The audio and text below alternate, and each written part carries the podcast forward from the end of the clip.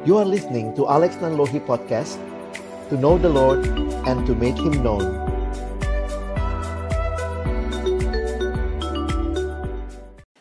Baik, mari sebelum kita membaca merenungkan firman Tuhan, kita bersatu di dalam doa.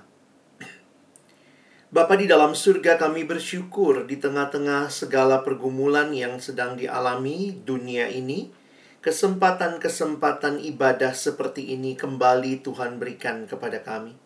Kami mohon ya Tuhan segarkanlah kembali hati setiap kami. Biarlah ketika firman diberitakan, biarlah setiap kebenaran yang disampaikan boleh memerdekakan hati kami untuk boleh hidup sesuai dengan kehendak Tuhan. Waktu ke depan kami persembahkan ke dalam tangan pengasihanmu.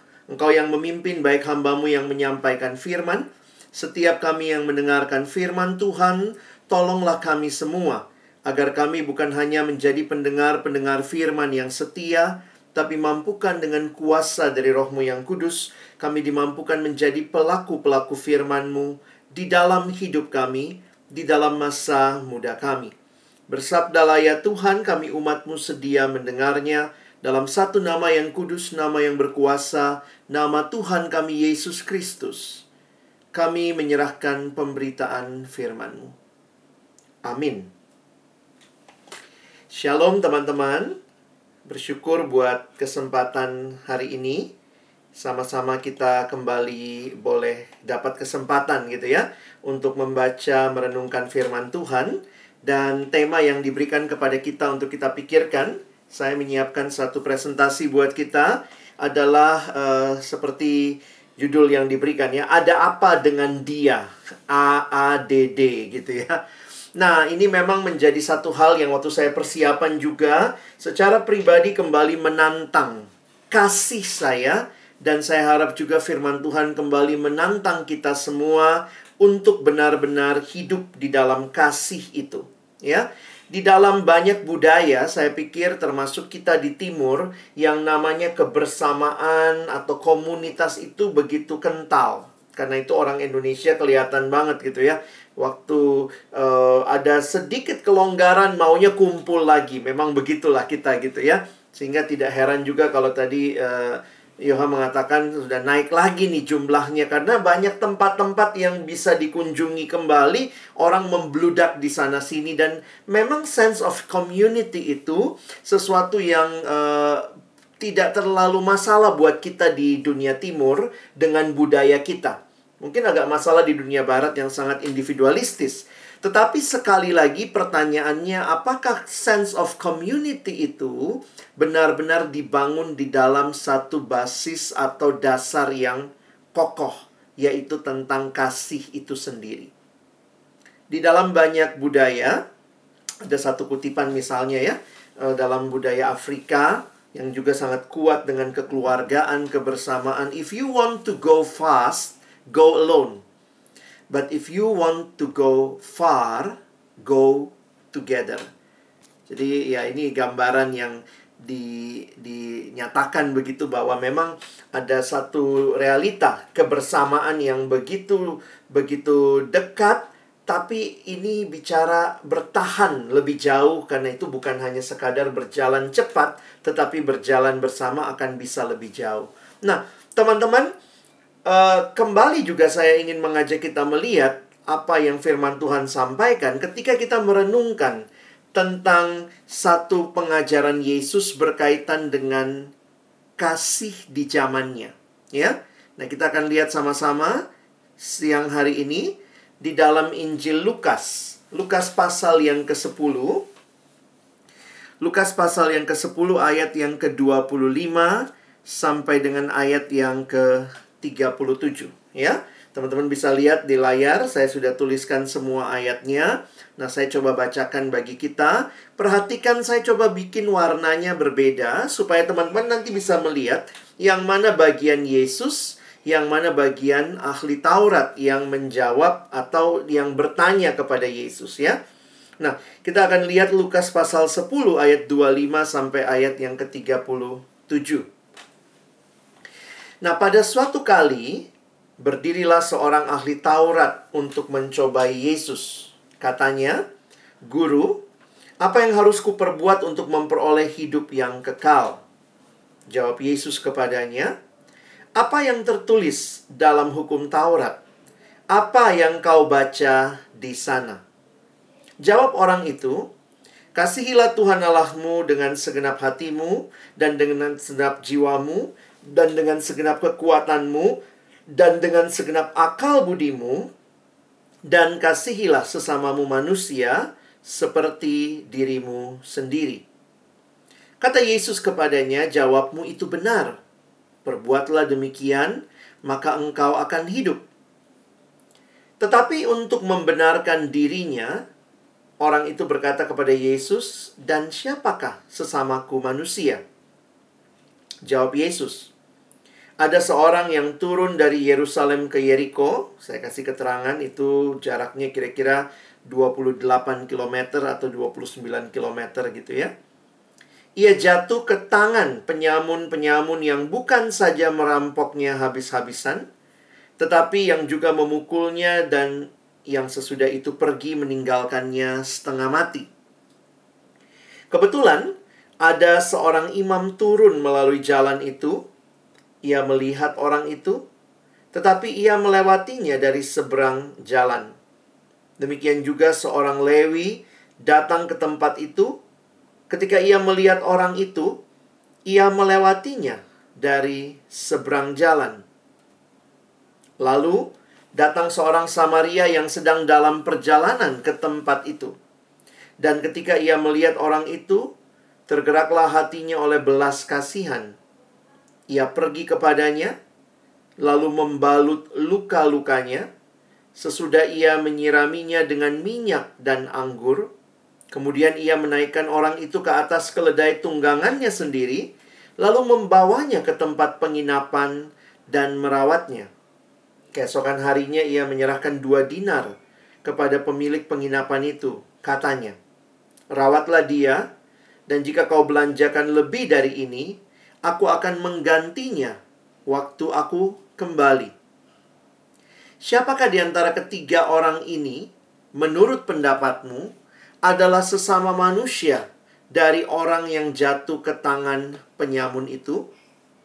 Jawab orang itu, orang yang telah menunjukkan belas kasihan kepadanya. Kata Yesus kepadanya, "Pergilah dan perbuatlah demikian."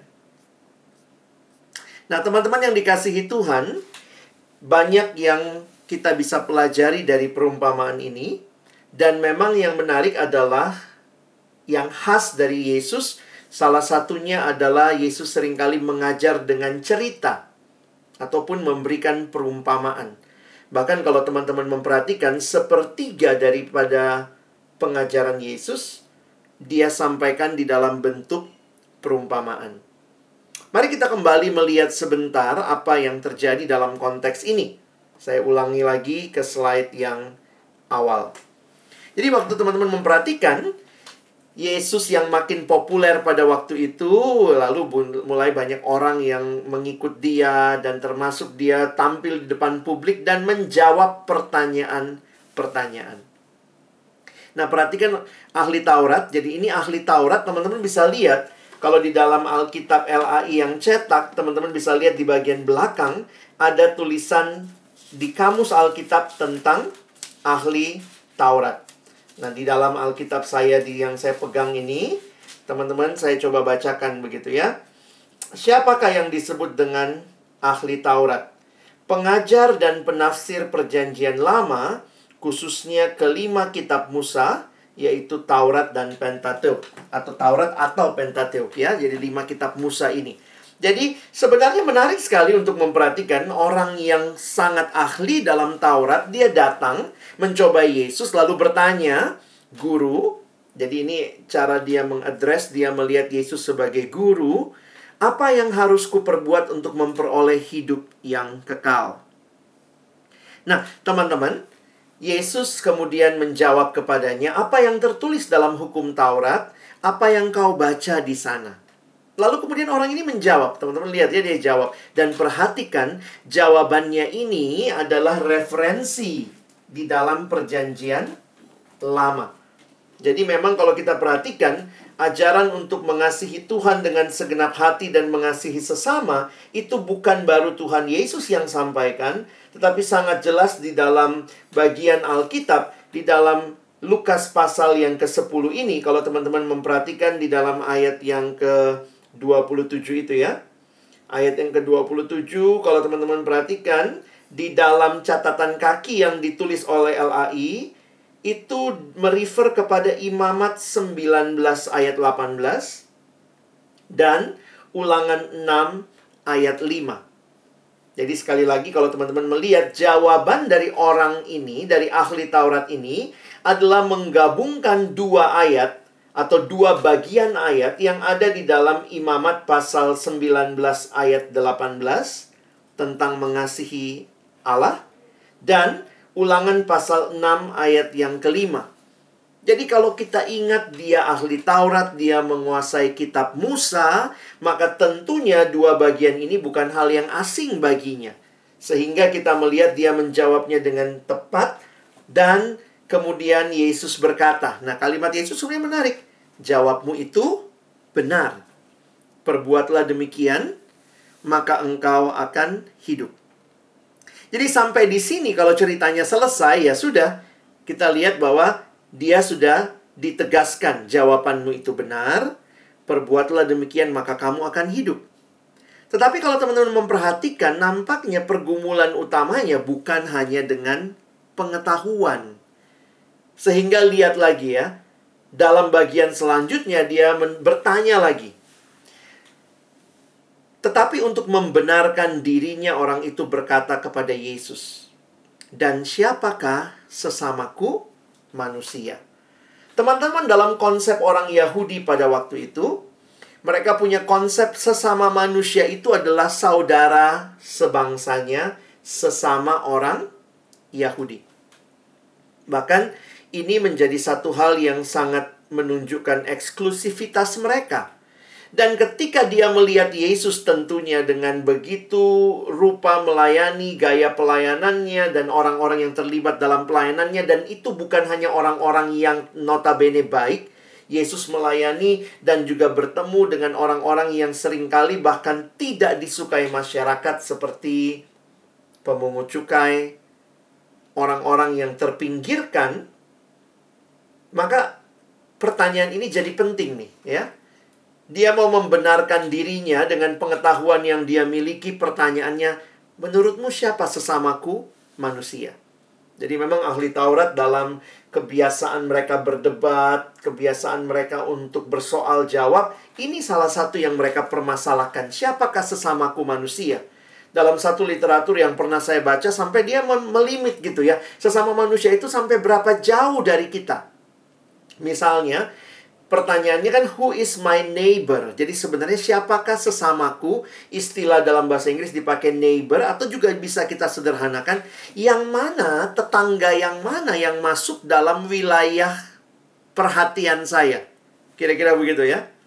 Ada yang mengatakan ya sampai beberapa rumah dari rumahmu ya masih harus kamu perhatikan karena that is your um, immediate neighbor atau uh, tetangga yang dekat yang langsung dekat begitu ya.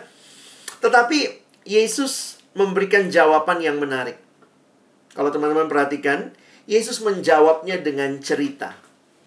Dan ini perumpamaan yang diberikan oleh Yesus menjadi perumpamaan yang sangat terkenal yang dalam perumpamaan ini kita jadi melihat hal yang luar biasa memang Yesus sang pencerita ini ya.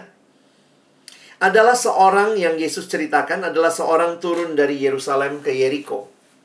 Nah, teman-teman, karena ini perumpamaan, jadi kita tidak harus menafsirkannya secara literal setiap bagian. Walaupun beberapa orang mencoba melihatnya misalnya siapakah orang ini? Apakah dia orang Yahudi atau non-Yahudi? Jelas nampaknya dia orang Yahudi. Dari mana dia? Dia turun dari Yerusalem ke Yeriko. Teman-teman, kalau kita mengerti Yerusalem itu letaknya di Bukit Sion, jadi Yerusalem ada di perbukitan Sion. Jadi orang kalau dari Yerusalem itu kan di atas ya, maka dia bilangnya turun ke Yeriko. Sama kalau kita dari puncak ya. Iya nih, gue mau turun ke Jakarta karena puncak dianggap lebih tinggi begitu ya. Jadi ini gambarannya. Ngapain dia ke Yerusalem? Makanya para penafsir mengkaitkan kemungkinan dia orang Yahudi, mungkin saja baru selesai melakukan ritual keagamaan di Yerusalem, di mana Yerusalem adalah tempat di mana ada bait Allah di situ. Dan ini perjalanan turun yang cukup jauh, 29 km pada masa itu. Pasti Yesus waktu menceritakan, orang-orang langsung terbayangkan. That is not an easy road. Dan masalah waktu itu bukan hanya jalannya mungkin belum diaspal, belum belum mulus, tetapi masalah utamanya adalah masalah security. Makanya dituliskan atau Yesus menceritakan lebih jauh, Yesus menggambarkan orang ini jatuh ke tangan penyamun-penyamun yang bukan saja merampoknya habis-habisan. Jadi lihat dirampok habis-habisan, tetapi juga memukulnya dan sesudah itu pergi meninggalkannya setengah mati. Nah, teman-teman kalau setengah mati berarti setengah hidup juga ya. Ini jadi menarik untuk kita perhatikan. Nah, kemudian Yesus sang pencerita ini menjelaskan lebih jauh ceritanya. Kebetulan ada seorang imam turun melalui jalan itu. Kembali lagi imam dari Yerusalem, mungkin saja dia selesai bertugas. Imam adalah keturunan dari Lewi atau kita melihat harus keturunan uh, umat uh, Allah, orang Israel, tapi dia suku Lewi dan harus keturunan dari dari Harun. Nah, jadi kita lihat ada seorang imam turun melalui jalan itu, ia melihat orang itu, tetapi ia melewatinya dari seberang jalan. Teman-teman perhatikan, dia melewatinya dari seberang jalan. Jadi mungkin dia melihat lalu kemudian dia ambil jalan yang lain untuk dari seberang untuk menghindari orang itu. Apa alasannya? Tuhan Yesus tidak menjelaskan alasannya. Tapi banyak orang mulai mencoba menafsirkan. Apakah mungkin karena kalau dia terkontaminasi dengan ketidakkudusan, kalau dia terkontaminasi dengan ketidakkudusan, maka sebagai imam, dia tidak bisa melakukan ritual. Dia butuh pentahiran. Karena menyentuh orang yang mati, itu akan membuat orang ini akan begitu rupa najis, butuh ritual pentahiran sampai sekitar enam hari, baru bisa melayani kembali. Tapi lihat, dia tidak mau ambil resiko. Karena kan dikasih tahu sebenarnya orang ini setengah mati. Tidak terlihat mungkin juga kalau dari jauh ini mati atau hidup nih. Menolong akan beresiko. Teman-teman ini selalu jadi jadi hal yang perlu kita ingat ya. Menolong melibatkan diri masuk dalam pergumulan orang lain itu pasti tidak mudah karena ada resikonya. Beberapa kali waktu PA ini ada yang bilang, ya mungkin dia juga takut bang. Kalau dia nolong, tahu-tahu itu orang yang pura-pura mati. Pura-pura jahat begitu ya. Lalu kemudian malah dia yang dirampok. Ya bisa aja modusnya seperti itu ya. Nah, Yesus kan tidak spekulasi ke situ. Jadi saya pikir ya kita nggak usah terlalu jauh menspekulasi. Tapi Yesus mengatakan bahwa orang seperti imam melewatinya. Bahkan ngecek pun tidak. Perhatikan yang kedua. Demikian juga seorang Lewi. Jadi kalau tadi imam, imam ini adalah orang Lewi dan dia keturunannya Harun. Kalau orang Lewi pada umumnya ini orang-orang yang bertugas beribadah atau menyelenggarakan ibadah di bait Allah. Jadi seorang Lewi datang ke tempat itu. Nah ini kita nggak tahu juga gitu ya. Bagaimana dia dari mana mau ke mana. Lalu kalau perhatikan. Seorang Lewi datang ke tempat itu ketika ia melihat orang itu ia melewatinya dari seberang jalan. Sama responnya. Melewatinya dari seberang jalan. Jadi kembali lagi kalau kita menghayati uh, orang ini nampaknya orang Yahudi yang mengalami kemalangan, tetapi saudara sebangsanya orang Yahudi, bahkan orang-orang religius yang beragama, orang Lewi yang bertugas melayani di bait Allah, waktu melihatnya tidak menolong, tapi melewatinya dari seberang jalan. Mereka tidak meresikokan, tidak mau meresikokan diri mereka untuk menolong. Sehingga teman-teman perhatikan bagian selanjutnya. Dikatakan lalu datanglah seorang Samaria. Nah, ini jadi menarik nih ya. Karena Yesus kemudian menceritakan tentang seorang Samaria. Dan pada waktu itu Samaria dan orang Yahudi dan orang Samaria ini bermusuhan lah kira-kira begitu karena perbedaan latar belakang kebudayaan dan juga keagamaan. Orang-orang Samaria ini adalah suku half Jews, mereka separuh Yahudi, tetapi dianggap mereka sudah tercemar sehingga mereka tidak dengan murni lagi seperti orang Yahudi. Jadi waktu itu memang orang Yahudi menghindari kontak dengan orang Samaria. Jadi waktu dengar cerita ini, mungkin yang mendengar juga nggak kebayang kok tiba-tiba masuk orang Samaria. Bayangan yang ada, orang Samaria itu tahu nggak ini orang Yahudi? Mungkin dia tahu karena tentu dari cara berpakaian, cara orang berpakaian bisa ketahuan ini orang apa. Tapi orang Samaria ini yang ternyata tidak dianggap, tidak dipandang oleh orang Yahudi, dia sedang dalam perjalanan ke tempat itu dan ketika ia melihat orang itu, tergeraklah hatinya oleh belas kasihan.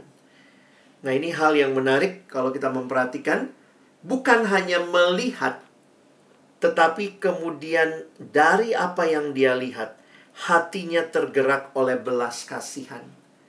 Lalu tertimbullah yang kita perhatikan dari ayat 34. Ini semua tindakan-tindakan yang dilakukan. Perhatikan, semua kata kerjanya bentuknya aktif ia pergi kepadanya, lalu membalut luka-lukanya. Sesudah ia menyiraminya dengan minyak dan anggur, kemudian ia menaikkan orang itu ke atas keledai tunggangannya sendiri, berarti dianya jalan kali ya. Kalau kan nggak mungkin berdua gitu ya, agak sulit ya, apalagi orang yang sedang sekarat seperti itu. Lalu membawanya ke tempat penginapan dan merawatnya. Lihat ya, dia merawat, dia tinggal satu malam. Keesokan harinya ia menyerahkan dua dinar kepada pemilik penginapan itu. Katanya, rawatlah dia dan jika kau belanjakan lebih dari ini, aku akan menggantinya waktu aku kembali. Jadi, ini hal yang luar biasa yang mungkin dalam kebenak orang-orang pada waktu itu nggak kebayang. Nggak kebayang akan dilakukan oleh orang yang sebenarnya notabene dianggap rendah ahli Taurat yang datang bertanya adalah orang Yahudi. Dan Yesus menceritakan yang jadi hero dalam perumpamaan Yesus kok justru orang Samaria.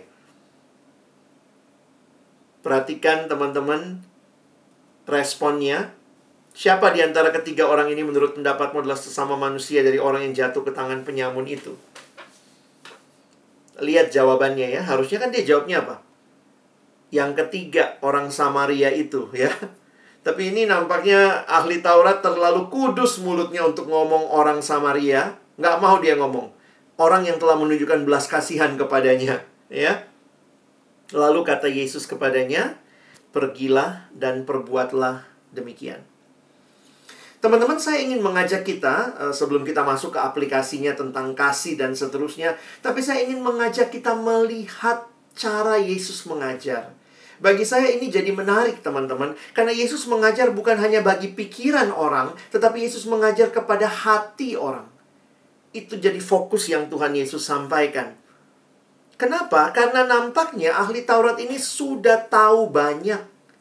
Bahkan dia bisa jawab dengan tepat tetapi di sinilah saya melihat ini cara mengajar ya bagi teman-teman yang jadi pemimpin kelompok kecil atau jadi pengurus atau ya dalam kenyataan sehari-hari. Mari belajar, belajar apa nih? Nih, asking the right questions. Nanti kapan-kapan kita bikin sesi ya tentang Yesus dan pertanyaan. Wah, teman-teman akan kagum sekali melihat bagaimana Yesus mengajar dengan menggunakan banyak pertanyaan. Sehingga lihat, asking the right questions, knowledge is having the right answer. But intelligence is asking the right question. Saya ingin menunjukkan kepada teman-teman sebenarnya luar biasa loh Yesus mengajarnya dan ternyata teori atau cara mengajar dengan pertanyaan ini itu membuka hati, bukan hanya membuka pikiran. Ya kira-kira begitu ya. Tentu pertanyaan yang disiapkan dengan baik, dengan tepat begitu ya. Nah, perhatikan teman-teman. Sebenarnya kalau kita perhatikan di dalam cerita ini, apakah Yesus menjawab pertanyaan orang itu? Kalau kalian lihat dengan baik, Yesus nggak jawab pertanyaannya. Lucu juga ya. Orang ini kan datang, nanya sama Yesus. Lalu kan dia minta Yesus jawab. Teman-teman mungkin mikir, kan tadi Yesus jawab, Kak. Lihat nih, Yesus jawab nggak? Jawabannya adalah pertanyaan. Apa yang tertulis dalam hukum Taurat? Apa yang kau baca di sana? Dalam pelayanan saya beberapa kali menggunakan tips and triknya Yesus ini Kadang-kadang kan orang berpikir gitu ya, oh kalau jadi pemimpin kelompok kecil, jadi pembicara tahu segala sesuatu. Nah, saya sih belajar juga untuk melihat jangan-jangan seperti yang Yesus lihat, orang yang bertanya pun sebenarnya punya pemahaman tertentu tentang pertanyaannya. Jadi Tuhan Yesus waktu ditanya, apa yang aku harus lakukan untuk mendapatkan hidup yang kekal? Yesus bilang, apa yang tertulis dalam hukum Taurat? Apa yang kau baca di sana? Enak banget gitu ya dia datang, dia nanya, terus dia jawab sendiri gitu ya. E, magabut banget gitu ya, kayak makan gaji buta gitu ya. Dan Tuhan Yesus nggak jawab sebenarnya. Yesus kan nanya, menurutmu apa? Lalu kemudian, e, ya udah waktu dia jawab, bener lagi jawabannya. Yesus bilang, bener jawabanmu, ya udah, lakukan. Jadi kalau saya memperhatikan, masalah dia bukan di pemahaman. Tetapi di hati yang mau melakukan yang dia pahami. Lalu sesudah dia dia untuk membenarkan dirinya dia tanya lagi. Ya, dia tanyanya apa tadi kita lihat ya. Siapakah sesamaku manusia? Memang benar Yesus menceritakan, bercerita panjang. Tapi di akhir cerita Yesus, lihat siapa yang jawab pertanyaan. Yesus tanya lagi, siapa di antara ketiga orang ini, menurut pendapatmu, adalah sesama manusia dari orang yang jatuh ke tangan penyamun itu? Dan siapa yang jawab? dia lagi yang jawab ya. Ahli Taurat ini datang, nanya sama Yesus, ditanya balik, dia jawab. Demikian juga yang terakhir, dia menjawabnya. Bahwa orang yang menunjukkan belas kasihan. Teman-teman lihat cara Yesus mengajar, lihat cara Yesus menolong orang ini. Karena saya pikir jujur aja waktu saya membaca, merenungkan, jangan-jangan saya dan teman-teman kita ini juga bukan nggak tahu, sesi hari ini bukan kamu nggak tahu. Mesti mengasihi, mesti belajar memperhatikan. Apa sih kasih itu? Sebenarnya tadi saya dengar jawaban kalian udah luar biasa semua. Saya pikir ya udahlah kita tutup doa gitu ya. Kalian nggak butuh sesi ini gitu. Semua jawabannya udah benar menyatakan iya kasih adalah memberi, kasih adalah berkorban, kasih adalah tapi pertanyaannya mungkin bukan pengetahuan kita masalahnya. Tapi apakah kita sudah melakukan yang kita tahu? Apakah kita sudah rela meresikokan diri ketika kita tahu bahwa kita yakin ini loh panggilan Tuhan, kehendak Tuhan bagiku. Karena itu teman-teman perhatikan dengan jeli sekali ya. Lihat kalimat berikut ini ahli Taurat itu datang dan bertanya, sebenarnya yang dia tanyakan itu objek. Seperti yang saya bilang dalam diskusi orang Farisi, orang ahli Taurat pada waktu itu, mereka selalu mempertanyakan yang mana yang termasuk sesama manusia buat saya. Di situlah kemudian mereka mencoba melis. Ya pertama orang-orang Yahudi dulu. Lalu mungkin muncul dalam prioritas mereka ya oke okay, bangsa-bangsa lain tapi mau percaya kepada agama Yahudi yang disebut proselit. Mungkin itu dalam menempati prioritas kedua. Mungkin prioritas ketiga baru kemudian oh bangsa-bangsa yang lain yang respect sama kita. Jadi sebenarnya mereka sedang mempertanyakan. Ini debat teologisnya adalah who is my neighbor? Mereka bertanya objeknya yang mana nih? Kasih tahu. Berdasarkan kriteria apa saya bisa bilang ini sesamaku? Tapi teman-teman lihat pembalikan yang luar biasa dari Yesus sang pencerita yang ulung. Yesus tidak menanyakan objek. Lihat Yesus mengganti pertanyaannya. Yesus menanyakan subjek. Ayo coba nih, ngerti nggak bahasa Indonesia ya? Lihat baik-baik. Pertanyaan Yesus, Yesus tidak memberikan kriteria. Kan dia nanya, siapa sesamaku manusia? Tentu harapannya Yesus akan menjawab begini. Sesamaku manusia adalah, coba lihat, orang yang begini, begini, begini, inilah kriteria sesamamu manusia. Seperti kita pengurus kadang-kadang bikin kriteria, siapa yang boleh jadi pelayan, siapa yang tidak. Ada kriterianya begitu ya. Tetapi ketika itu Yesus tidak menjawab dengan kriteria. Perhatikan teman-teman, Yesus justru memberikan cerita dan dalam cerita ini kemudian Yesus membalikkan pertanyaan sang ahli Taurat. Yesus menanyakan subjek. Pertanyaannya adalah, siapa dari tiga orang ini, menurut pendapatmu yang adalah sesama manusia dari orang yang jatuh ke tangan penyamun itu? Yesus nggak bilang, ingat ya, yang jatuh ke tangan penyamun itu sesama manusia. Itu yang mesti ditolong kriterianya harus yang kayak begitu, yang desperado gitu, desperate banget harus ditolong. Tapi Tuhan mencoba mengajak dia melihat ada tiga orang yang melewatinya, dua lewat aja, satu yang nolong. Lalu yang mana? Yang adalah sesama manusia. Teman-teman dalam bahasa yang lain saya simpulkan begini ya. Mungkin biar kalian nggak bingung apa sih bedanya objek sama subjek.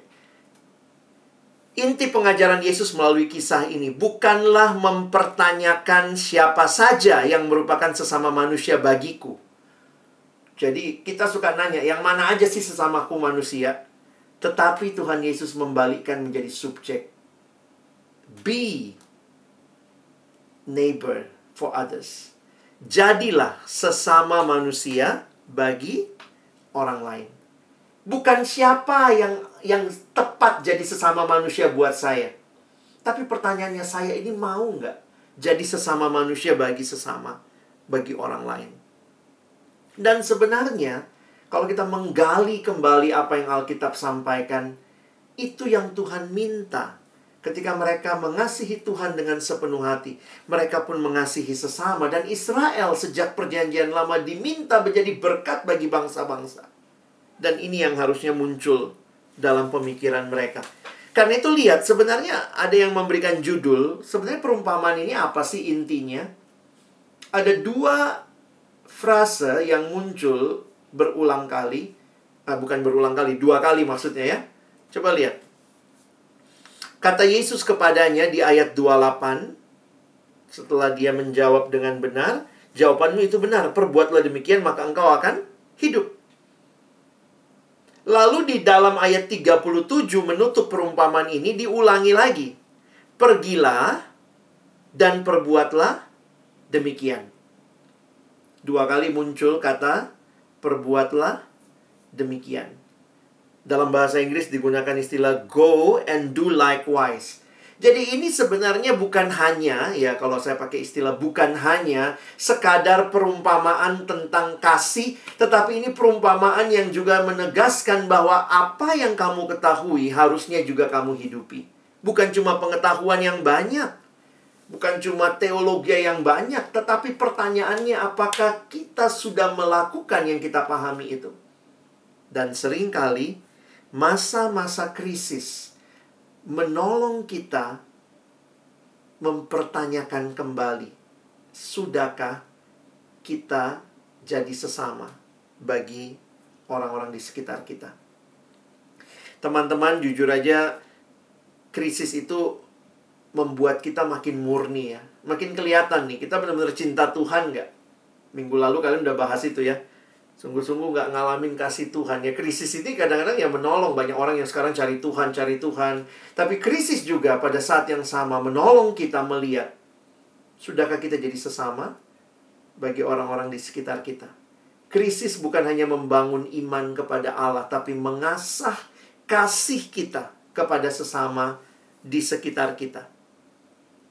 Karena itu beberapa aplikasi yang saya pikirkan teman-teman bisa ikutin sebentar dari apa yang saya bagikan muncul pertanyaan ini, what is a good human? Ini kan sekarang kemanusiaan kita ditantang nih ya. Kadang-kadang juga beberapa teman bilang sama saya, saya sebenarnya bingung juga kak, banyak banget nih sekarang bantuan. Bantuan maksudnya begini, untuk menyalurkan bantuan ke sini, ngasih ke sini. dia bilang aduh gimana kak apa yang harus saya yang mana yang harus saya ikuti gitu ya di gereja ada sumbangan peduli covid mungkin di di kampus juga ada di jurusan juga bikin di alumni SMA juga bikin di alumni SMP bikin alumni SD juga bikin. Jadi sebenarnya jadi pertanyaan terus gitu ya. Dan ada akhirnya melihat sebenarnya apa sih manusia yang baik itu a good human gitu ya. Nah saya kutip kalimat ini. A good human is someone who knows where the humans around them are at. Jadi, manusia yang baik adalah manusia yang tahu orang-orang yang ada di sekitar mereka. Wow, ini jadi satu perenungan yang menarik ya kalau kita mau coba mendalami, khususnya mengaplikasikan siapakah sesamaku manusia? Karena memang kita selalu bertanyanya begitu, siapakah sesamaku manusia? Yang mana yang mesti saya tolong? Tapi Tuhan melalui perumpamaan ini mau menunjukkan jadilah sesama manusia di mana kau melihat ada kebutuhan. Dan di mana kebutuhan itu yaitu tergantung Tuhan membukakan mata kita sehingga uh, ya saya kadang-kadang bingung gitu ya. Dalam situasi seperti ini yang mana yang mesti dibantu? Ada yang bilang yang paling penting beli APD. Ada yang bilang yang paling penting adalah uh, bukan APD-nya tapi hand sanitizer-nya sama masker yang makin langka. Ada lagi yang bilang, oh yang paling penting adalah sebenarnya memastikan hamba-hamba Tuhan gajian. gitu ya. Jangan-jangan kita perhatikan dunia ternyata di dalam gereja kita sendiri ada yang... Jadi sebenarnya banyak banget gitu. Tapi poin saya adalah begini. Apa yang di depan mata yang Tuhan perlihatkan bagi kita? Mungkin seperti orang Samaria itu, dia melihatnya apa? Ada yang lagi setengah mati. Tentu ada juga yang setengah mati di tempat lain, ada dong. Mungkin kamu bilang, iya bang, ada kelaparan di Afrika. Ada yang butuh di sana. Tapi Tuhan mau membuka mata kita untuk realita di around us. Coba lihat di sekitar kita. Dan karena itu saya pikir tema kita jadi relevan. Yang di sekitar kita dalam konteks potri adalah teman-teman teman-teman kita satu sama lain di dalam persekutuan ini. Kejadian pasal yang keempat, ada kalimat yang menarik dalam percakapan Tuhan dengan Kain. Dan ini satu uh, frase yang menarik untuk kita perhatikan ya. Then the Lord said to Cain, Where is your brother Abel? Tuhan tanya, di manakah Habel adikmu itu? Jawabnya Kain apa? I don't know. Am I my brother's keeper? Wah, ini kalimat yang menarik. Apakah aku penjaga adikku? Apakah aku penjaga adikku? Ini pertanyaan retoris yang harusnya tidak ditanyakan Kain, karena itulah sebenarnya yang menjadi kehendak Tuhan bagi Kain. Kain harusnya menjadi penjaga bagi adiknya Habel. Dan ini menunjukkan bahwa kemanusiaan yang sesungguhnya bukanlah kemanusiaan bagi diri sendiri, tetapi ketika kita pun bisa peduli, bisa ikut menjaga. Tentu teman-teman dan saya nggak bisa menjaga seluruh dunia. Kita bisa jaga keluarga kita tentunya, itu unit terkecil yang Tuhan hadirkan. Tapi juga saya melihat rekan-rekan yang ada di dalam Tuhan, sahabat-sahabat kita, itu juga menjadi bagian perhatian kita. Perhatikan kalimat ini. God requires each human to care for the human beside them. Nah, mungkin ya kalau bicara sederhana, siapa yang ada di sekitar kita? Dalam kenyataan kita ada di kampus Trisakti, teman-teman potri menjadi orang-orang yang Tuhan hadirkan di sekitar kita. Sudahkah kita menghidupi tema ini? Ada apa dengan dia? Kita pedulikah? Kita carekah kepada dia? Perhatikan kalimat ini. Where is your brother today? Where is your sister today? Are we thinking that someone else will, will care for them? Apa kita pikir ya udahlah siapa ya yang bakal perhatiin mereka? No, teman-teman. Ingat, God holds us responsible for their care. Wah, saya waktu tadi tulis kalimat ini, Saya juga jadi kayak wow. Kita di, dianggap Tuhan, kita diberikan tanggung jawab oleh Tuhan untuk mempedulikan sesama kita. Saya pikir ini jadi pertanyaan penting juga buat kita dalam situasi-situasi seperti ini ya.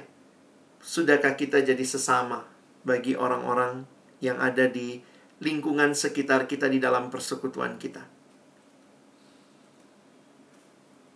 Kita masih ingat tentunya kemanusiaan yang membutuhkan orang lain itu rencana Tuhan. Setelah Tuhan ciptakan semua baik, baik, baik, maka kejadian 2 ayat 18 pertama kali muncul kata tidak baik di Alkitab kita. Apa yang tidak baik? Tidak baik kalau manusia itu seorang diri saja. Aku akan menjadikan penolong baginya yang sepadan dengan dia. Dan karena itu, waktu kita bicara kasih yang harusnya muncul dalam relasi yang hidup, tentu mengasihi Allah, itu relasi yang Tuhan mau, dan mengasihi sesama, saya ingat kalimat John Stott ini. Sebagaimana ikan dibuat untuk air, umat manusia dibuat untuk kasih, untuk mengasihi Allah dan mengasihi sesama kita. Ini natur kita, ini hidup kita. Kita nggak bisa bersembunyi, oh saya nggak mau melakukan itu. Nggak bisa. Ini bagian dari cara Tuhan membangun hidup kita. Karena itu sampai kapan pun teman-teman dan saya selalu akan butuh komunitas. Baik di dalam kehidupan berbangsa, bernegara, bermasyarakat, berkeluarga, tapi lebih dalam lagi dalam kebutuhan spiritualitas kita, kehidupan beriman kita pun Tuhan menolong kita punya saudara seiman. Nah, prakteknya nih sekarang. Kadang-kadang mikir gimana ya mempraktekannya. Kadang-kadang ada yang bilang ya udah ada bahasa kasih bang ya. Ada yang bilang ada lima bahasa kasih. Jadi belum tentu setiap orang punya bahasa kasih yang sama.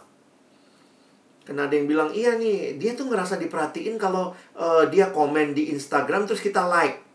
Oh gitu ya. Ada yang merasa bahasa kasihnya kalau kalau lu datang ke kosan gua, lu baru mengasihi gua gitu. Jangan ngomong doang dong gitu ya. Ada yang bilang, oh kalau dia kirim sesuatu, jadi ada yang uh, gift mungkin bahasa kasihnya. Tapi bagi saya terlepas dari apa pun bahasa kasih dan itulah sebenarnya kita bergumul mengenal sesama kita, sahabat kita dan bahasa kasih itu juga bisa berbeda-beda. Tetapi sebenarnya itu mencerminkan apa? Bagi kita orang Kristen, ingatlah bukan kita yang mengasihi Allah lebih dulu, tapi Allah yang lebih dahulu mengasihi kita. Dan bagi saya, ketika Allah sudah mengasihi kita, maka God's love is seen in how Christian love one another. Sebenarnya waktu kita mengasihi satu sama lain itu adalah cerminan dari kasih Allah yang kita alami. Dan teman-teman saya harus katakan yang men, yang sempurna menggenapkan lima bahasa kasih itu tadi Allah sebenarnya ya. Jadi memang kita juga nggak bisa menuntut uh, manusia yang terbatas sesama kita memberikan bahasa kasih yang sempurna seperti lima tadi. Yesus memberikan the best of, of himself. Gift-nya apa? Nyawanya dia kasih buat kita. Dia kasih waktu, dia hadir memimpin kita, kehadiran bersama kita. Jadi memang yang yang sempurna ya, saya melihatnya itu. Dan kalau kita perhatikan di Alkitab, ini bukan basa-basi. Tapi ketika kita mengalami hidup yang dibaharui di dalam Kristus, maka kata saling menjadi kata yang penting. One another. Coba lihat nih. Nah, ini teman-teman bisa belajar nih mempraktekkan saling menasehati, saling menerima, saling care, tanya kabar, saling menanggung beban. Kalau mungkin yang satu belum dapat kiriman, yang satu ngirim sesuatu untuk itu bukan basa-basi rohani. Kadang-kadang ada yang bilang, waduh orang Kristen kok kayaknya repot banget hidupnya. Karena Tuhan panggil kita masuk ke dalam persekutuan yang menikmati kebersamaan satu sama lain. Kurang banyak, saya tambahin. Silakan nanti lihat sendiri gitu ya. Wah, Alkitab tuh banyak sekali bicara one anothering. Karena itu, dari dasar ini, saya rindu teman-teman coba bangun perhatian yang tulus dalam kasih kepada teman-teman kita dalam situasi seperti ini. Mungkin ada yang sedang membutuhkan kekuatan, Ada yang membutuhkan peneguhan, ada yang butuh disupport karena skripsinya belum selesai, ada yang mungkin uh, butuh ditolong karena dia ternyata jatuh terus dalam dosa di dalam masa-masa karantina seperti ini. Sehingga butuh orang yang mendoakan, terus mengingatkan udah saat teduh atau belum. Atau mungkin juga ada orang yang sedang mengalami keletihan fisik, kadang-kadang psikosomatis gitu ya, mulai perutnya sakit padahal kayaknya makan pun udah teratur. Ternyata mungkin dia stres karena kok rasanya nggak bisa ke mana-mana. Realita-realita seperti ini pertanyaannya bagi kita yang dalam persekutuan, apakah kita bisa saling memperhatikan? saya beberapa waktu ini jadi punya kesempatan ya mimpin kebaktian di sini di sana walaupun online dan kemarin mimpin salah satu kebaktian di Pertamina dan ternyata secara lembaga secara institusi pekerjaan itu di Pertamina sampai disediakan tuh psikiater, psikolog, siapa yang butuh konseling. Kenapa? Karena memang situasi seperti ini nih banyak orang yang gampang. Udah dua bulan loh kita di rumah terus misalnya. Kita di kosan terus buat teman-teman yang terjebak di kosan. Dan pertanyaannya adalah apakah ada orang yang tahu kondisi kita? Oh, kamu bilang oh Tuhan tahu, Bang. Tuhan kan Maha tahu. Tapi Tuhan juga menghadirkan saudara seiman untuk mendoakan kita, mendukung kita, menyemangati kita. Kita butuh satu sama lain. Karena itu mari mulai dari hal-hal yang kecil. Ada yang bilang kecil, ya sebenarnya bukan masalah kecil ya. Bagi saya adalah punyakah hati yang mau melibatkan diri dengan pergumulan orang lain mau peduli dengan mereka. Mungkin mulai dengan doa, mulai dengan memberikan perhatian. Ada tiga orang dalam masa ini yang terus saya perhatikan, saya doakan setiap hari, karena mereka adalah orang-orang yang pernah ngontak saya juga. Lalu kemudian terjadi relasi yang baik.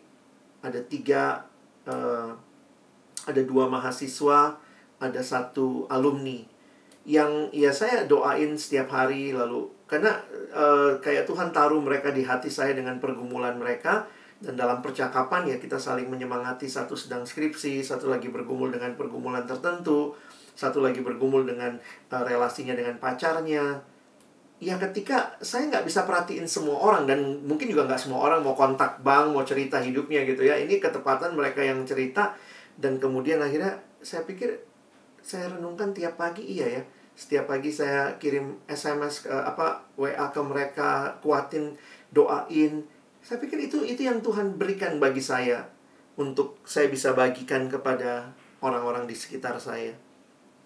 Nah, teman-teman, saya mau tutup dengan sebenarnya memberikan gambaran ya.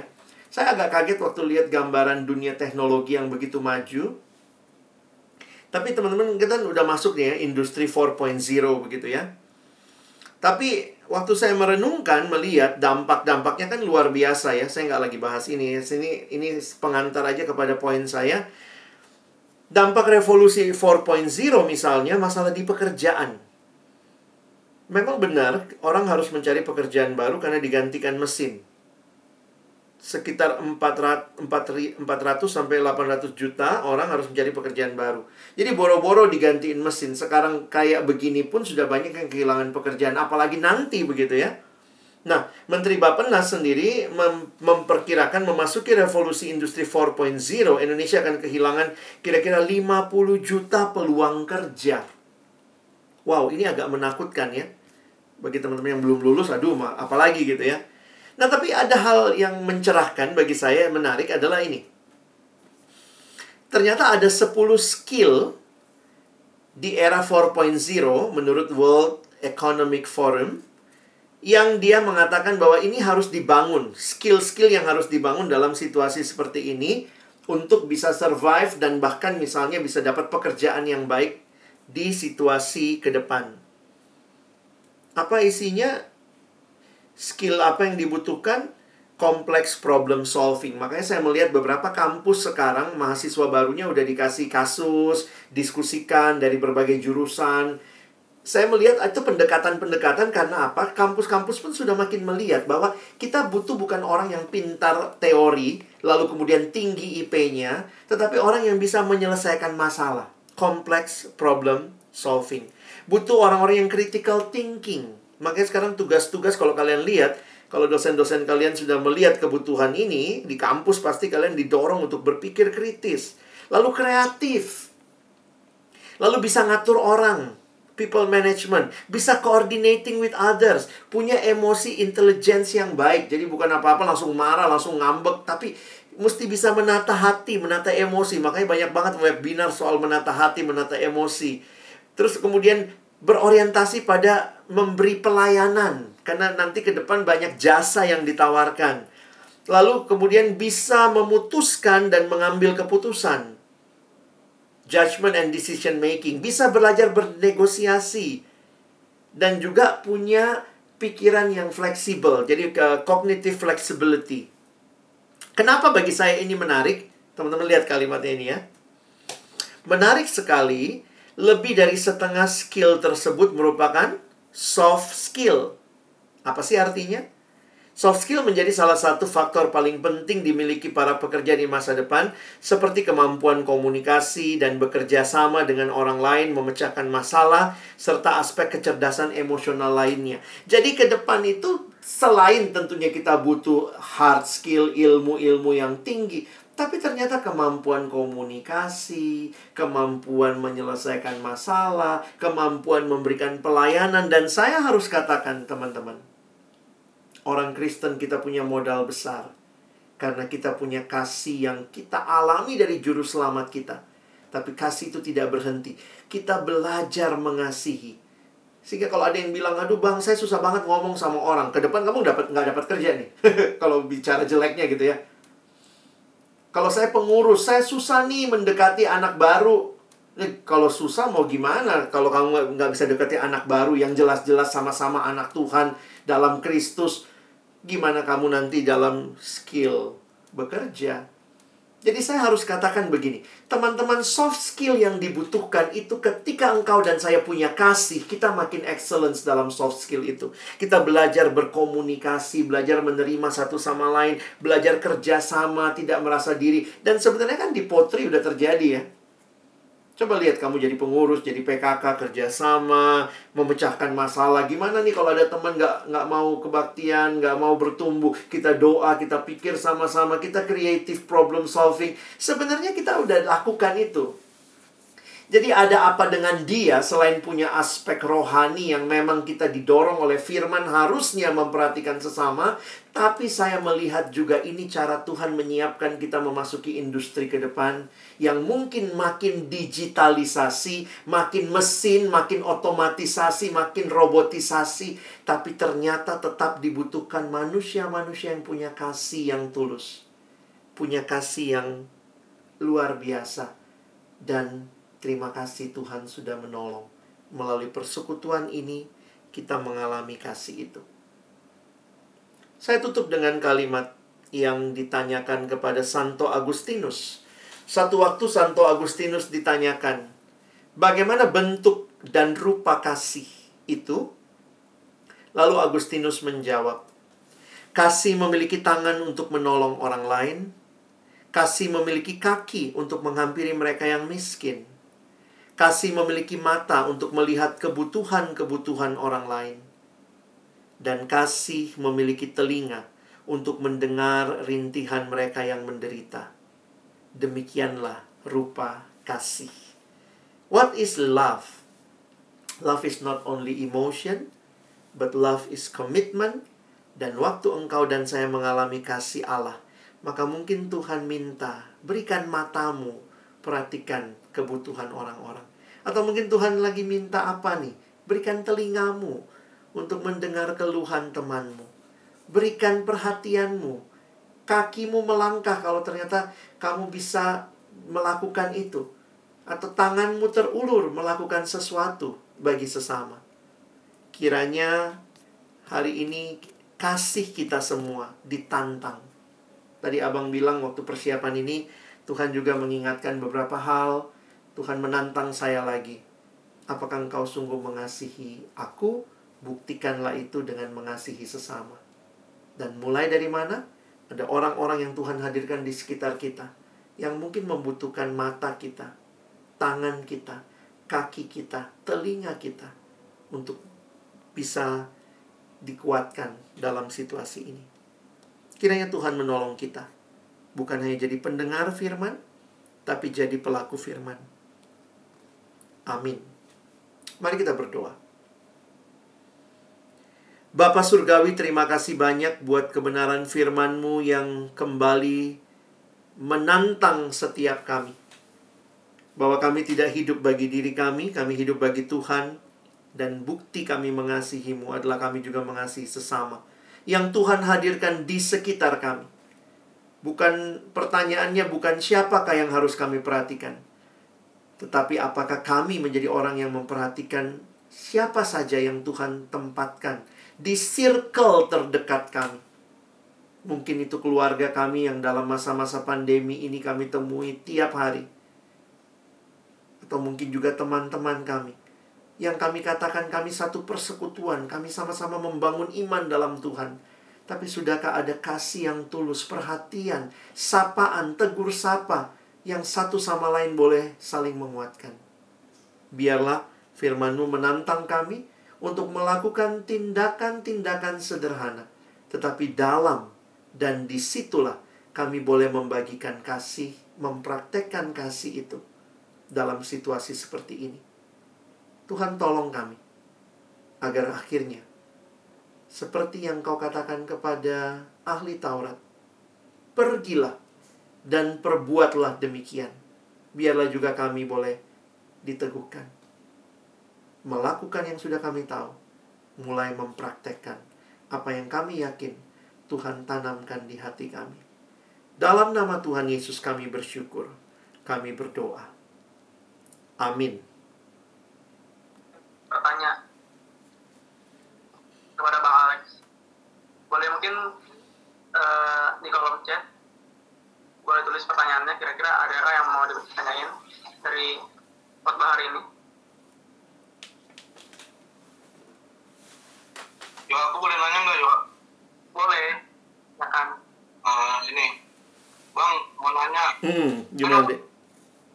Kan orang beragama Islam kalau masuk surga kan harus beramal, zakat, pokoknya berbuat baik. Hmm. Kalau agama Kristen kan kasih karena kasih karunia Allah. Hmm. Terus apa surga agama Kristen dan Islam apakah sama atau beda? Terus bagaimana kita sebagai orang Kristen mengasihi sama kita yang bukan seagama Bagaimana kita memencarikan kasih Kristus kepada orang-orang yang tidak percaya kepada Kristus? Contoh konkretnya di kampus bagaimana, Bang? Terima kasih, Bang. Hmm, thank you. Kalau ditanya apakah surganya beda atau tidak, saya pikir sih kita harus bicara sangat mendasar bahwa ada berapa surga. Kalau cuma ada satu surga, maka berarti hanya ada satu cara ke surga itu. Tidak mungkin berbagai cara. Dan kekristenan yang berdasarkan pada Alkitab, kita percaya bahwa Tuhan menyediakan surga bagi orang-orang yang percaya kepadanya. Jadi, kita tidak masuk surga karena perbuatan baik, kita tidak mencapai surga dengan amal upaya kita, tapi kita mendapatkan surga karena Kristus memberikan hidupnya bagi kita, gantikan kita, seperti Yohanes 3:16 mengatakan karena begitu besar kasih Allah akan dunia ini sehingga ia telah mengaruniakan anak yang tunggal supaya setiap orang yang percaya kepadanya tidak binasa melainkan beroleh hidup kekal. Hidup kekal itulah surga bersama dengan Allah kekal selama-lamanya dan itu tidak didapatkan dari upaya kita. Jadi kalau ditanya ke mana mereka pergi? Kalau surga mereka begini, surga kita begini ya pertanyaan saya ada berapa surga? Cuma ada satu surga yang dinyatakan dalam Alkitab dan surga itu tidak diperoleh berdasarkan upaya tapi berdasarkan kasih karunia Allah yang memberikannya bagi kita. Kalau orang bisa masuk surga dengan upaya mereka, dengan kebaikan mereka, dengan amal mereka, maka surga adalah tempat paling sombong. Karena orang-orang yang masuk sana kalau ditanya, "Loh, lu kok masuk sini?" "Ya, gua dong. Gua bangun tiga gereja, coy." Lu kenapa? Wah, gue kemarin beliin pendeta gue mobil Pajero. Lah, makanya gue masuk nih. Karena sesuatu yang gue lakukan. No. Kalau demikian, itu bukan surga yang sesungguhnya.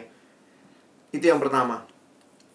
Yang kedua, kasih di dalam Alkitab ada bagian yang menarik untuk diperhatikan bahwa ketika bicara kasih ini tidak pernah membatasi sebenarnya hanya kepada orang-orang seiman. Jadi kalau teman-teman perhatikan dasar kita mengasihi sesama manusia adalah semua kita adalah gambar dan rupa Allah. Maka sebagai image of God, kita punya tanggung jawab mengasihi sesama karena mereka juga image of God, apa pun agamanya, latar belakangnya seperti apa. Tetapi di dalam hal prioritas. Nah, ini menarik prioritas ya. Saya bacakan Galatia. Di dalam Galatia pasal yang ke-6 misalnya ayat yang kedua. Jadi ketika Paulus berbicara kepada jemaat di Galatia, dia mengatakan Galatia 6 ayat 2, Bertolong-tolonganlah menanggung bebanmu, demikianlah kamu memenuhi hukum Kristus. Terus sampai ke bawah, perhatikan ayat 10. Karena itu, jadi dia katakan karena itu, nah ini judul perikopnya saling membantulah kamu. Karena itu selama masih ada kesempatan bagi kita, marilah kita berbuat baik kepada semua orang. Nggak ada tuh dibilang agama ini kamu buat baik, yang ini jangan. Enggak. Kepada semua orang. Tapi ada komanya. Koma, tetapi. Terutama kepada kawan-kawan kita seiman. Jadi, terutama kepada kawan-kawan kita seiman, bukannya memberikan kriteria siapa yang dikasihi. Karena sudah dibilang tadi, semua harus kita kasihi kepada semua orang. Tetapi kepada kawan-kawan kita seiman, itu bicara prioritas. Karena kita punya kapasitas, kita punya uh, kesempatan mengasihi yang tidak selamanya sama. Jadi jujur aja saya setuju dengan tema kalian hari ini. Tentu kita bisa mengasihi, kita juga bisa tanya kabar teman-teman di luar sana, teman gaul kita, teman satu jurusan kita, teman di himpunan, teman di Trisakti yang mungkin beda agama sama kita. Tapi jangan sampai lupa juga. Yuk kita perhatiin satu sama lain juga secara persekutuan karena prioritasnya adalah waktu yang ada kita mungkin lebih sering ketemu, lebih sering rapat, lebih sering ngobrol, lebih sering chat-chatan, ada grup. Mari kita memanfaatkan itu, belajar mengasihi saudara-saudara seiman. Itu kali jawaban saya, Carlos. Thank you. Hmm, Oke. Teman-teman ada yang mau bertanya lagi? Tidak waktu boleh chat kalau misalnya nggak nggak ngomong bapak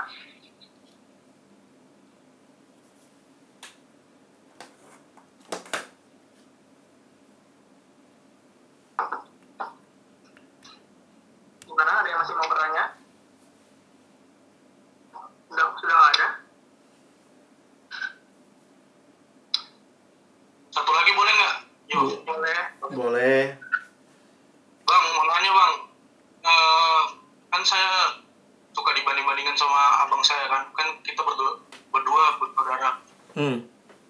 Dia kan akselerasi terus usia 21 tahun udah lulus. Hmm. Jadi saya itu bang. Selalu, selalu dibanding-bandingkan sama abang saya. Hmm. Jadi mana itu bang menurut abang? Hmm. Supaya saya nggak iri lagi. Soalnya saya dibanding-bandingkan sama abang saya selalu sama orang tua saya selalu diceritain ke orang keluarga tentang Iya. kesuksesan. Ya bang. Thank you, Dek, pertanyaannya. Em, saya menyadari itu hal yang pasti tidak mudah. Karena saya juga pernah punya pengalaman seperti itu ya. Saya anak kedua, saya punya kakak. Dan dia punya banyak kelebihan, banyak apa ya, pengalaman yang jujur aja akhirnya waktu masa pertumbuhan, ya maksudnya masa-masa saya remaja itu, saya sempat minder mindernya kenapa? Karena saya merasa saya tanpa saya sadari atau kadang-kadang saya juga lihat jelas banget saya dibandingkan atau eh mungkin mungkin awalnya sih dalam dalam upaya supaya untuk memberi yang terbaik ya maksudnya gini menyemangati saya tapi akhirnya jujur karena waktu itu saya masih belum bertobat sungguh-sungguh masih belum di dalam Tuhan sungguh-sungguh itu sangat mempengaruhi cara saya melihat diri saya. Jadi akhirnya saya melihat begini. Saya waktu saya bertobat, saya akhirnya menyadari bahwa keberhargaan saya itu bukan karena apa yang saya miliki, apa yang saya capai, tapi saya berharga karena memang Tuhan yang ciptakan saya bilang saya berharga. Nah, itu memang prosesnya panjang sih, Dek ya. Saya melihatnya uh, saya ditolong melalui banyak kesempatan firman Tuhan dan juga hamba-hamba Tuhan yang waktu itu uh, saya dengar khotbah-khotbah mereka melihat bahwa saya tidak bisa nyetopin orang membandingkan itu hak orang termasuk orang tua kita kita nggak bisa bilang stop bandingin ya. Nggak bisa. Itu istilahnya itu ya itu urusan dia sama Tuhan lah banding bandingin walaupun itu nggak benar ya. Beberapa kali saya juga pernah bilang saya nggak mau dibandingin gitu. Tapi saya lebih banyak justru jadi minder. Mindernya itu begini saya tidak mau melakukan apa yang kakak saya lakukan. Karena supaya saya nggak dibandingin. Tapi masa-masa itu jadi masa yang sulit waktu saya bertobat akhirnya saya sadar saya berharga bukan karena apa yang saya lakukan apa yang saya bisa lebih dari kakak saya lakukan tetapi saya berharga karena memang Tuhan bilang saya berharga dan kalau dia percayakan itu kepada kakak saya, maka Tuhan percayakan sesuatu kepada saya. Jadi ketimbang menyuruh orang di luar sana mem berhenti membandingkan, saya nggak punya kuasa mengontrol ucapan orang di luar. Tapi yang bisa saya lakukan adalah saya menikmati harga diri keberhargaan saya dalam Kristus dan itu pelan-pelan saya bisa melihat iya ya Tuhan pakai saya juga kok dengan caranya. Tuhan dengan karunia saya. Saya tidak sepintar kakak saya saya tidak sepintar uh, dapat kesempatan seperti dia. Tapi Tuhan tetap pakai saya dengan apa yang Tuhan percayakan bagi saya. Jadi, ketimbang menyelesaikan omongan orang di luar yang membandingkan, kita butuh ketenangan di dalam yang meyakini saya ini berharga karena Kristus yang mati bagi saya. Nah, kalau memang masih sulit gitu ya, kalau ditanya tipsnya apa, ya tipsnya terus dekat sama Tuhan, belajar firman Tuhan. Karena kalau kita dekatnya kepada perbandingan orang, kita terus yang kita Maksudnya gini, kalau yang terus memasuki pikiran kita adalah perbandingan yang dibuat orang, kita jadi nggak puas juga. Kita jadi ngerasa, iya ya, saya mesti lebih dari dia, supaya saya nggak dibandingin.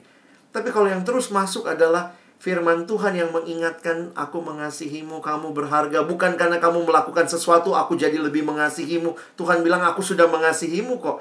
Itu jadi tenang. Bahkan kalaupun saya punya prestasi, bukan supaya mengalahkan kakak saya, tapi saya punya prestasi karena saya tahu Tuhan sudah berikan kemampuan, saya akan do the best dalam apa yang Tuhan karuniakan. Jadi itu proses Carlos, tapi nikmati proses itu dan alami keyakinan identitasmu di dalam Tuhan ya. Oke, terima kasih Bang. Kita um, akan lanjut